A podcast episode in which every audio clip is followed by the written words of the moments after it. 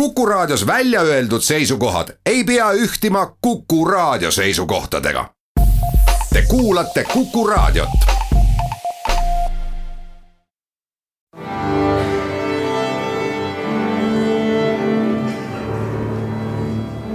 daamid ja härrad, Eesti Kontserdi saade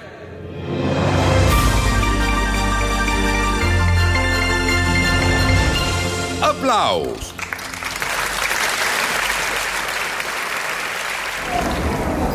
Tere kõigile, Eesti Kontserdi saade Applaus on eetris ja on eetris seekord päris teistmoodi.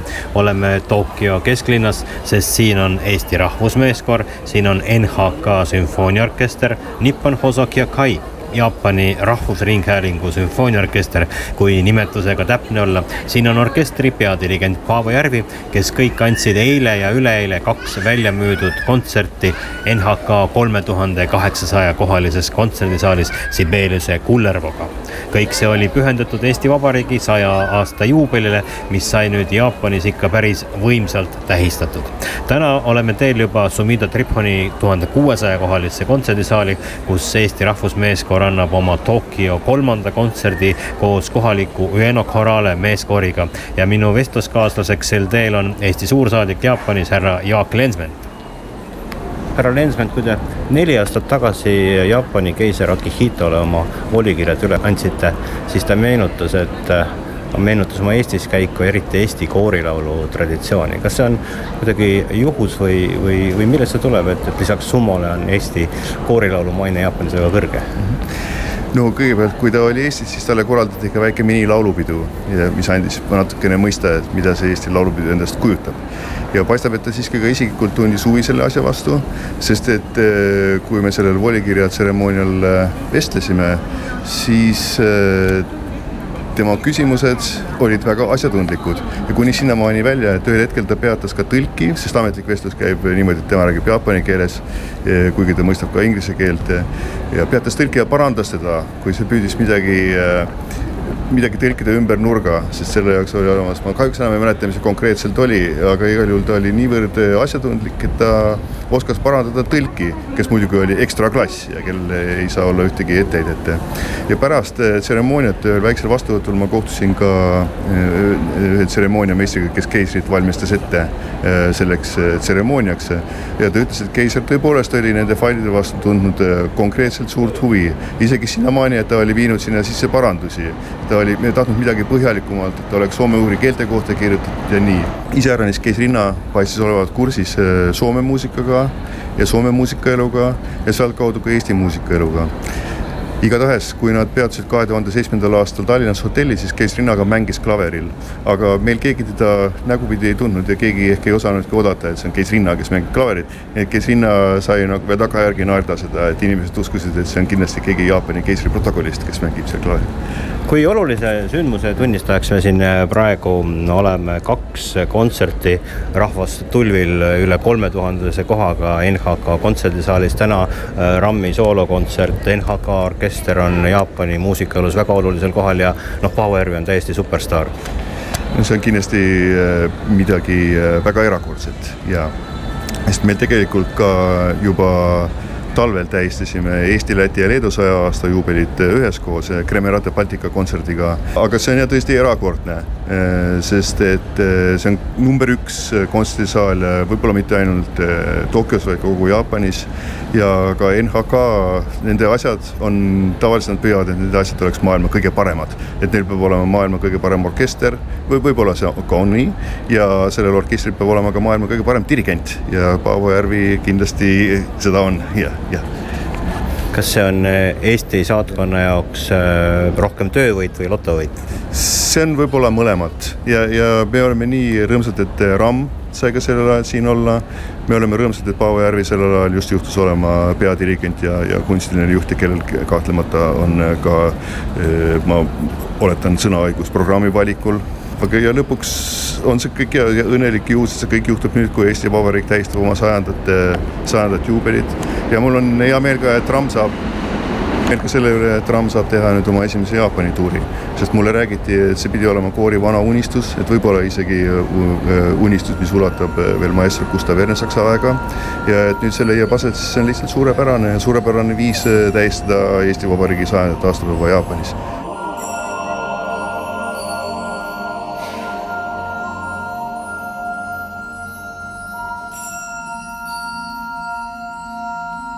kontserdijärgsed emotsioonid praegu lõppes just äh, teie, kui mitmes äh, kontsert nüüd kogu selle pika Jaapani tuuri ajal? ma pean kohe mõtlema, et mitmes kontsert see on. üks, kaks, kolm, neli, viis, kuus, seitse, kaheksas kontsert oli täna emotsioonid on muidugi väga head, sellepärast et äh, meid on väga hästi vastu võetud igal pool Jaapani publiku iseärasus paistab olema see, et nad muutuvad väga emotsionaalseks äh, kontserdi lõppedes. ega aplausid on soojad kogu aeg, aga, aga siis, kui kontsert läbi saab, siis äh, järsku tõuseb temperatuur väga kõrgele saali poole peal. ja see on äh, selline üsna puudutav kogemus artisti jaoks Jaapani publiku vastuvõtt, nagu sa just praegu ütlesid, on tormiline, aga on sul selline, see on selline veider ja võib-olla natukene libe teema, aga on sul endal olnud ka vahest selline tunne, et jaapanlased saavad meie asjadest kuidagi paremini aru kui paljud teised rahvused, selline teatud määral kattuv rahvuslik koodisüsteem? Sellest on tegelikult päris palju juttu olnud, et, et noh, on teada ka, et, et jaapanlastele nagu soomlased väga sümpatiseerivad ja vastupidi. et tundub, et midagi nendes meie põhjarahvastes, nüüd soome-ugrilastes ja, ja jaapanlastes on, mida me üksteises nagu ära tunneme. huvitav on ka see, et täna me laulsime koos väga hea Jaapani meeskooriga, Oedo meeskooriga koos näiteks ühte Tormise teost, Muistse mere laule tõsi, nad on seda aasta tagasi mitu korda ette kandnud, aga nende eesti keel oli üllatavalt hea. ja me laulsime koos ka jaapani keeles ja nemad ütlesid, et meie jaapani keel oli üllatavalt hea, et tähendab, et ka nagu sedapidi, kuigi need keeled on väga erinevad, siis äh, me suudame nagu küllalt hästi hääldada vastastikku neid keeli. et kuskil on üks kokkupuutepunkt küll Uedo Corale ehk siis selle teise meeskoori tase vist, ma kujutan ette, et tuli kõigile üllatusena, nagu ei osanud oodata nii head meeskoori äkki Jaapanis kuskilt. no positiivsed üllatused on alati toredad. et, et neid kahjuks juhtub harva, eks ju, aga, aga kui nad siis tulevad, siis seda parem äh, meel sellest on kõigest et noh, me teadsime, et see on Jaapani parim meeskoor, aga, aga kui hea just, selle kohta ju infot ei olnud et seal on sellist professionaalsuse maiku on kõvasti mann sellel äh, kõlakultuuril ja, ja, ja vokaali käsitlusel. et nad on väga-väga äh, head harrastajad ja kindlasti on seal hulgas äh, suur hulk mehi, kellel on üsna korralik muusikaline haridus. tänase kontserdi lõpp oli ka võib-olla pisut traagilisematel põhjustel üliemotsionaalne. jah tegelikult sellised on olnud meie a capella kontserdi lõpud siin kõik, et, et me oleme äh, laulnud äh, oma kolleegi, äh, jaapanlasest kolleegi Hideyuki Nishimura seadet, mille ta spetsiaalselt selle Jaapani tuuri jaoks kirjutas.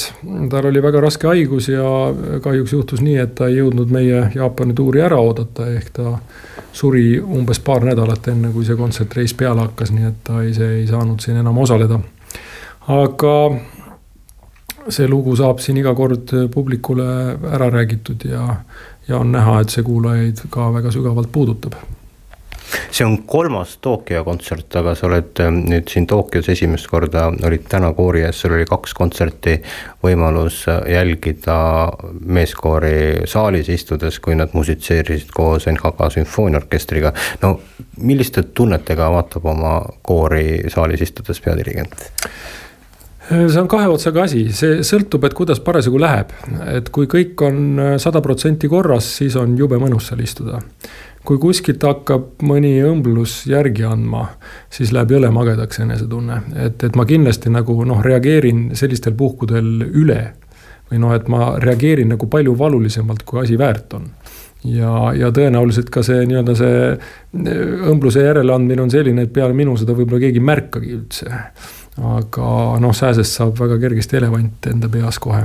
nüüd on siis tore sissejuhatus tehtud küsimusele, et milliste tunnetega istusid seekord saalis? kontserdi teises pooles väga heade tunnetega, et, et kui mõelda äh, Sibeliuse Kullervoo sümfoonia ettekande peale, siis minu arvates mõlemad kontserdid õnnestusid selle koha pealt väga hästi ei julgegi sind rohkem nüüd kinni hoida, selles mõttes, et teie kontsertreis Jaapanis on alles poole peal. pärast äh, üliedukat kontserti seisab ees nelisada kilomeetrit äh, bussisõitu ja, ja nii on see kolm nädalat kestnud umbes jah, need a capella kontserdid on läinud küll äh, selles, selles stiilis ja nüüd meil on veel kolm kontserti ees. Mm, see läheb ka nii edasi, et, et ikkagi kontsert kontserdimaja, buss ja hotell ja see on kõik, mida me Jaapanis teada saime, kuni Tokyoni.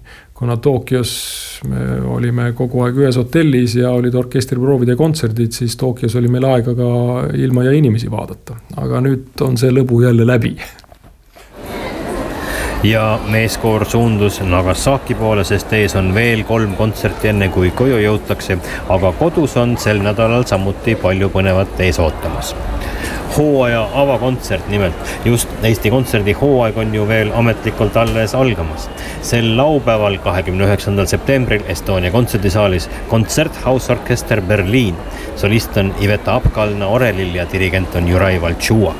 Berliini väärikaima kontserdimaja orkester, muide sama maja, kus märtsis toimusid Arvo Pärdi, Robert Wilsoni Aadama passiooni etendused. sel laupäeval Estonia kontserdisaalis ja piletid oli vähe järgi juba siis, kui Eestist ära läksin. nüüd on olukord ilmselt ja loodetavasti veel keerulisemaks muutunud. igal juhul kiirustage, head sõbrad, see kontsert on kuulamist väärt, absoluutselt ja saate lõpuks veel üks uudis. julgeksin öelda, et isegi pommuudis algava kontserdihooaja kohta. mul on siiralt hea meel, et sellest on nüüd põhjust rääkida. maailma parim orkester, hollandlaste Royal Concertgebouw Orchestra tuleb oma enneolematu tuuri raames Eestisse teeme kõigepealt selgeks, kes või mis on maailma parim, sest sääraseid aunimetusi kohtab nii siin kui seal.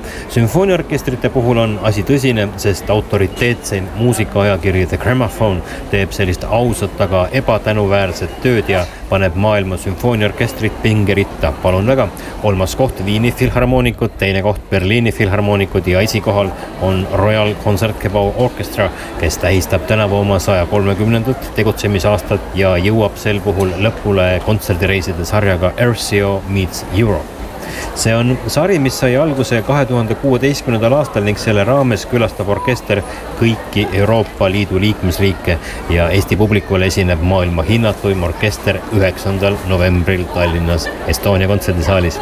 piletid tulid müügile täna kell kaksteist uhkemate teadetega ei saa seda saadet lõpetada, see oli Eesti Kontserdi uudistesaade Applaus otse Tokyost. luban, et kahe nädala pärast oleme eetris kodust ja siis juba parema helikvaliteediga, aga seniks kõike paremat.